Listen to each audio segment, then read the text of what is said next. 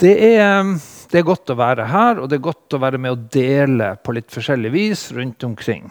Um, grunnen til at jeg er her i dag, er jo fordi at, um, at vi har et um, ja, vi er i gang med å bygge opp et system i baptistsamfunnet med veiledning for pastorene våre. Og siden Tistedal-tida har jeg vært veileder for han eh, Agnar. Og når vi da eh, bestemte at vi skulle møtes denne helga, så sa jeg at um, du skal ikke komme til Oslo. Og jeg skal heller ikke komme til Skien bare på lørdag og reise tilbake igjen. Nei, jeg skal være over til søndag for å være med på gudstjeneste i Skien. Og så ble det sånn etter hvert også at um, det ble at jeg skulle tale.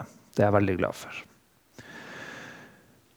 Ellers så kjenner jeg jo mange her, mer eller mindre, har vært med på forskjellige ting. Mer eller mindre i lag med flere. Teksten som vi har fått lest, sangen som vi nettopp sang, som handler om den første tida etter påske som vi forbinder med Det er litt sånn tilfeldig at det er denne søndagen hvor jeg er her, og at den teksten passer inn i det som jeg skal si. Eller tilfeldig og tilfeldig. Men det ble sånn. Og, og, jeg skal komme tilbake til hvorfor den teksten pluss en til som vi skal lese om et øyeblikk, er det som vi skal fokusere på i dag. Men eh, vi har jo hørt den teksten mange ganger, og vi bruker den ofte for tida like etter påske. Eh, men det er en annen tekst som også omhandler en mirakuløs fiskefangst, kan vi godt si. Og den er på starten av Peters liv med Jesus. Den teksten som vi nettopp fikk lest, den er på, på slutten av Peters liv med Jesus. Antakelig møttes de bare en gang til etter dette møtet med Genesaretsjøen. Men vi skal lese en tekst til, som er fra Lukas evangelium, kapittel 5, og vers 1-7. En gang Jesus sto ved Genesaretsjøen, og folk trengte seg om ham for å høre Guds ord. Vi kan se to båter som lå ved stranden. Fiskerne var gått ut av dem og holdt på å skylle garnene. Jesus steg opp i en av båtene, den som tilhørte Simon, og ba han legge litt ut fra land. Så satte han seg og underviste folkemengden fra båten. Da han var ferdig med å tale, sa han til Simon.: Legg ut på dypet og kast noten til fangst. Mester, svarte Jesus, vi har strevd hele natten og ingenting fått. Men på ditt ord vil jeg kaste noten. Så gjorde han det. Og nå fikk de så mye fisk at noten holdt på å revne. De ga tegn til kameratene i den andre båten at de måtte komme og ta i med dem. Og de kom, og de fylte begge båtene, så de holdt på å synke. Der er likhetstrekk og også ganske store forskjeller mellom disse to tekstene. For det første, den siste teksten som vi leste fra Lukas, den handler om antakelig et av de første møtene som Jesus hadde med Peter og de andre der. Den siste teksten som jeg sa, den handler om et av de siste møtene Jesus hadde med Peter, og de var syv der da. Det er en stor forskjell. Men det er altså gått tre år cirka, imellom disse to hendelsene. For den, første, den siste teksten fra Lukas den skjer helt på starten av Jesu kall til disiplene. Til Peter og de andre disiplene for å følge han. Den siste tre år seinere, i den tida når Jesus skilles fra disiplene på et jordisk vis for godt. Men det er også noen andre forskjeller. På starten så kommer Peter sin hva skal jeg si, overmodighet i forhold til 'jeg vet best'. Den ser vi av og til i Peters liv ut igjennom disse tre årene. I den siste teksten så er det borte. For Hvis vi går litt nærmere inn i den første teksten, så kan vi prøve å se for oss stemninga der på stranda. Det står at en folkemengde Altså var det en mengde mennesker som hadde hørt Jesus tale, som kjente seg appellert av Jesus sin tale. Og så har du altså disse slitne, frustrerte fiskerne som kommer til lands med tomme båter. Og Jesus ser at i den ene båten sitter Peter kanskje noen flere. Og han går opp i den båten og ber Peter å legge litt ut og tale til folket. Hva er det Peter kjenner på akkurat da? Det vet vi jo ikke. Det står ikke noe om det her, men vi kan prøve å tenke oss inn i situasjonen. Peter kjenner på slitenhet. Han kjenner på frustrasjon over at de har strevd hele natta og ingenting fått. Han kjenner kanskje på litt flauhet, litt skam i forhold til denne svære folkemengden som har fått med seg at de har vært ute hele natta og ingenting fått. Og han kjenner kanskje til og med på litt irritasjon. Hvem er denne mannen som kommer opp i båten og på en måte bare tar seg til rette? Og på toppen av det hele skal gjøre meg til latter for hele denne folkemengden med at jeg skal kaste nota på nytt når alle forstår vi har strevd hele natta og ingenting fått. Det kan vi tenke oss inn i situasjonen er litt sånn Peters modus i denne Lukas-teksten på starten av livet hans med Jesus. I den siste teksten, hvor det er gått tre år, og hvor Peter har fått spilt ut sitt overmot, sine gode ideer, sin kjekkhet og sitt fall, ikke minst, framfor Jesus, så kjenner han nok også på frustrasjon. Men jeg tror irritertheten er helt borte. Der er sorg og usikkerhet og forvirring som har tatt den plassen den morgenen som vi nettopp hørte om ved Genesaretsjøen. Så der er noen store forskjeller. Så skal vi komme tilbake til noen likheter mellom de to tekstene også. Men så har jeg lyst til å dele med dere hvorfor disse to tekstene ble levende for meg i, i fjor sommer. Jeg hadde begravelse på en gammel mann som var et menighetsbarn i vår menighet. Han døde etter veldig kort sykdom, 96 år gammel. Og han bodde hjemme, Kona døde for mange år siden, og han bodde hjemme helt til veis ende. Og var aktiv og var ute og sånt. Så jeg hadde jo sett denne mannen og møtt han mange ganger. Og egentlig kjente han godt. Men jeg kjente ikke livet hans før jeg forberedte begravelsen sammen med familien. For denne mannen, han Gunnar, han var en av de legendariske fiskeskipperne på Andenes, i Andøy, som hele sitt liv, siden han var 14 år i 1940, hadde vært fisker. Hadde hatt flere båter som han eide og var skipper på hadde gått alle disse gradene i utviklinga i fiskeriene fra 1940 ca. og til egentlig 2022. Selv om han ikke var på båt lenger de siste åra. Han var skipper på egen båt til han var 73 år. Han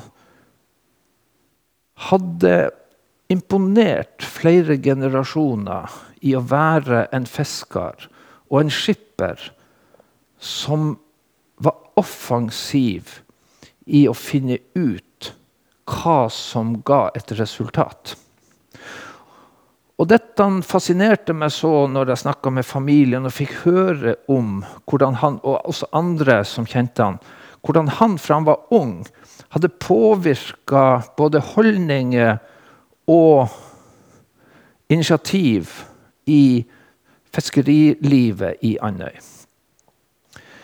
Da han begynte som ung fisker på, som mannskap på en båt ute på feltet og For dere som har vært på nordspissen av Andøya, så er det to store fiskevær. Det Andenes, og så er det ett ikke så langt unna som heter Bleik.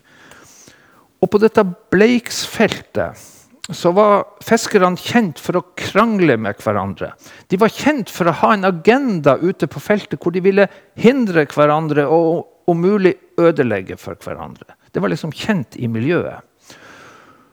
Og når han Gunnar kom på båten han skulle være med, og de skulle ut på dette feltet, så så han jo det ganske fort. Men han var en ungdom, så i utgangspunktet ville ikke noen ta hensyn til hva han spilte inn. Men han hadde altså ei frimodighet og ei holdning til dette livet og en forståelse for hva som ga et resultat, som gjorde at han begynte å si til dem Hvorfor gjør dere det her?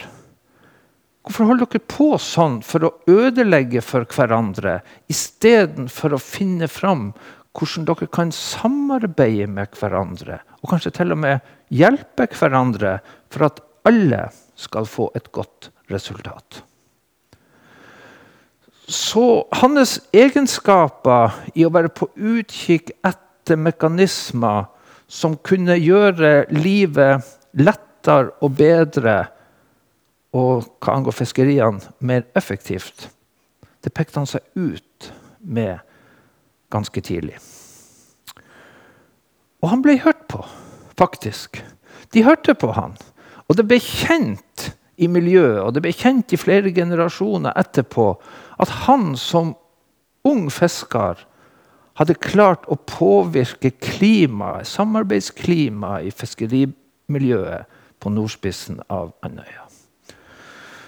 Og så var det jo ei tid hvor redskapene var veldig enkle, hvor Materialene var enkle og ikke spesielt effektive. Og det kom jo etter hvert utover nyvinninger på det. Og så er det sånn at uh, det er jo forskjellige måter å drive fiske på, og det er masse detaljer rundt det som jeg ikke skal gå inn på. Men når de skulle fiske sei med seinot så var det produsert nøtt, nøtter av en type sånn hampegarn lenge. Men så, utpå 50-tallet, så kom det ny teknologi. Det ble nøtter av nylon. Og disse nylonnøttene de hadde gjerne litt skarpe farger. Jeg ser jo det, Faren min var jo fisker, så jeg ser jo det for meg hvordan de så ut. Og så, når han var på, eh, på vårfiske oppe på, i Finnmark, i Vardø, så hadde han som den første fiskeren i Nordland fylke gått til anskaffelse Da hadde han sin egen båt. Gått til anskaffelse av ei moderne seinot i en skarp oransje farge. Og når fiskerne i Vardø så ned på denne nota som lå på dekket hans, på båten hans, så ble han håna på kaia i Vardø, fortalte da familien. Og liksom spurte hva er det der for noe du har med deg. Hva er det for noe? Så sa han det er ei seinot. Ei seinot? Altså, De gjorde narr av han for at han hadde med seg noe som absolutt ikke ligna på ei seinot, sånn som de kjente den, men som han påsto var ei seinot. Men det som skjedde, det, det var jo at denne moderne seinota som de gjorde narr av, den fiska veldig godt. Så de måtte jo etter hvert erkjenne at han var forut for dem i å ta i bruk ny teknologi. Og så kom jo selvfølgelig seinota av nylon i bruk for alle etter hvert. Men han var altså en foregangsfigur på akkurat det. Og sånn var livet hans. Han tok i bruk ny teknologi når det var aktuelt. Han satte seg inn i nye ting. Så helt til han var skipper, gikk av som skipper 73 år gammel på sin egen båt som han overlot til sønn, så var han oppegående på alt som hadde med moderne og effektivt fiske å gjøre. Så når jeg da hadde fått høre alt det her, så tenkte jeg Og så visste jeg jo at det, han var en kjent person, og jeg visste at det kom masse folk i begravelsen. Så jeg tenkte jeg må finne ut hva Bibelen sier om å være åpen for innspill som skaper et resultat.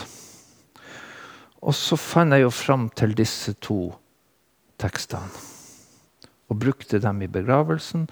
Og de har blitt hengende med meg etterpå som gjorde at når jeg skulle hit i dag, første søndag etter påske, og denne tekst nummer to fra Johannes 21 passa veldig godt, så tenkte jeg ja, da vil jeg dele det i Skien. For hva er det som egentlig skjer her?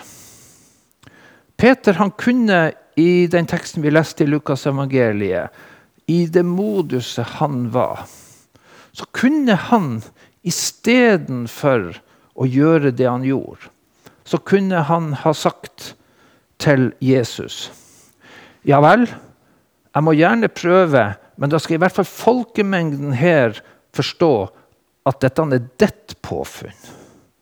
Jeg vil ikke flaue meg ut for å prøve noe som alle vet har mislyktes hele natta. Men det er greit. Skal jeg gjøre det, så skal i hvert fall alle vite at det er du som har kommandert meg til å gjøre det. Så han kunne ha sagt til Jesus ja vel, men fortell de andre at du har bedt meg om å gjøre det. Og så aner vi noe av typisk Peter når han svarer Jesus. Vi har strevd hele natta, bare så du vet det. Vi er frustrert, vi er sliten. Men på ditt ord skal jeg kaste garn på nytt. Og Det er ingenting som tyder på at Peter var opptatt av å ta bort risikoen for at det skulle gå galt. Eller ta bort risikoen for at han skulle flaue seg ut for denne folkemengden. Ingenting som tyder på det når han sier vi har strevd hele natta, men på ditt ord vil jeg kaste garnet. På nytt. Kaste nota på nytt. For det som skjer, tror jeg, det er at når Jesus sier det her til Peter, så er Peter våken nok til å ta inn at hvis jeg gjør det som han sier nå, uansett hvor urimelig og ulogisk det høres ut, så kan det jo hende der er noe i det som gjør at det blir et annet resultat enn jeg frykter, enn jeg venter enn folkemengden venter, venter skal skje. Det kan jo hende. Så det er et eller annet som treffer Peter med Jesu ord, som gjør at han kaster nota ut på nytt. Og når jeg liksom gikk inn i denne teksten og tenkte på, på han gamle Gunnar, så tenkte jeg ja, der sto en folkemengde på kaia i Vardø som hånte han for at han brukte seinot, oransje seinot av Nylungarden. Men det var noe som hadde truffet han i nytenkning, som gjorde at han brydde seg ikke om det. Det at Peter gjorde det som traff han av Jesus sine ord, det skapte et fantastisk resultat der på stranda den morgenen. Det skapte et resultat for Peter, for de som var med han i båten. Det skapte et resultat for denne folkemengden som fikk med seg alt det her. Det skapte et resultat på den måten at når Jesus avslutter denne hendelsen på stranda, i hvert fall så langt som Lukas beskriver det, så ender det med at Jesus proklamerer fra nå av skal du være menneskefisker. Og så kjenner vi hvordan livet for Peter endrer retning, og hvordan de neste tre årene er.